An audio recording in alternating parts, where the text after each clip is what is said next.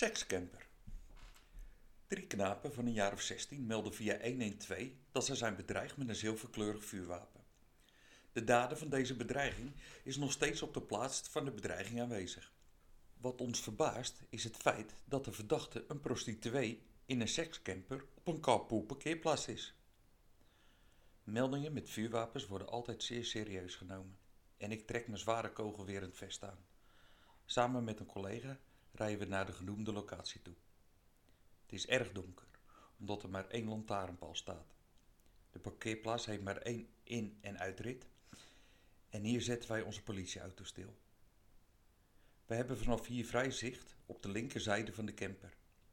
Achter de gesloten gordijntjes zien we de schimmen van twee personen. De dame van lichte zeden heeft dus bezoek. Een auto wil het parkeerterrein verlaten en deze wordt door ons staande gehouden.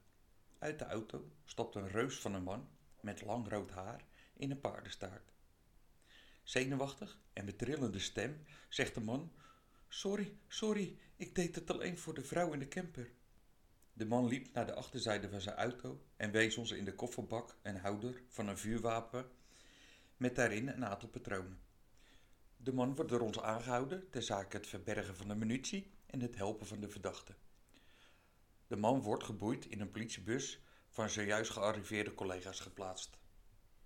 Om goed zicht te krijgen op de camper doen wij het groot licht van onze politiewagen aan. De camper, een uit het jaar 1814, ziet er van buiten gehavend en smoezelig uit. Via de geluidsinstallatie roepen wij tegen de inzittenden van de camper dat zij één voor één de camper moeten verlaten. Met getrokken vuurwapens die wij op de camper richten, zien wij dat de deur aan de achterzijde van de camper langzaam opengaat.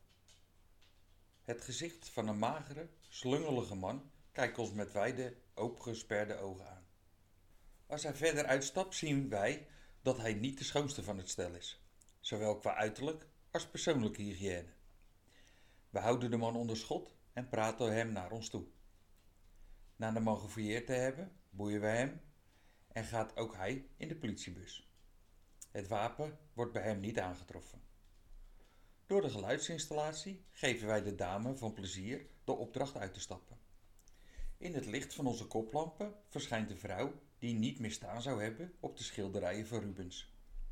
Haar volle rondingen zijn verpakt in een zeer strak zittend, minuscuul paars jurkje waar we dwars doorheen kunnen kijken. Ook de vrouw laten we naar ons toe komen en ook zij wordt geboeid.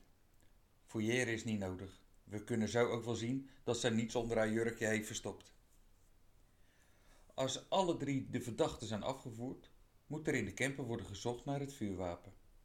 We besluiten, gezien het weinige licht op de parkeerplaats, dit aan het bureau te doen. De voordeuren zitten op slot en om op de bestuurdersstoel te komen, moeten we via de achterzijde over het bed klimmen. Geen leuke klus, want op de laken zitten diverse vlekken, die aan de kleur te zien afkomstig zijn van lichaamsappen uit diverse openingen van het menselijk lichaam. We besluiten te torsen wie deze ranzige klus op zich gaat nemen. Kop, roep ik als eerste. Het werd munt. Ik besluit de handschoenen aan te doen en loop over het bed heen naar de voorzijde van de camper. Eenmaal achter stuur gaat mijn reukvermogen op volle toeren werken. Een weeige lucht hecht zich vast aan mijn neusharen en ik kan het kokhalzen aardig in bedwang houden nadat ik het bestuurdersraampje met veel moeite open heb gekregen. Aangekomen op de binnenplaats van het bureau begint de volgende vieze klus. Het vinden van het vuurwapen. Tussen de vele speeltjes voor volwassenen, in alle soorten en maten en kleuren, treffen wij een gaspistool aan. De prostituee verklaarde tot haar daad te zijn gekomen doordat de drie jongens haar al dagen aan het treiteren waren geweest. Dit treiteren kost haar klanten en klanten missen kost geld. Om er voor eens en altijd een einde aan te maken, heeft zij het gaspistool op de jongens gericht om ze te laten schrikken.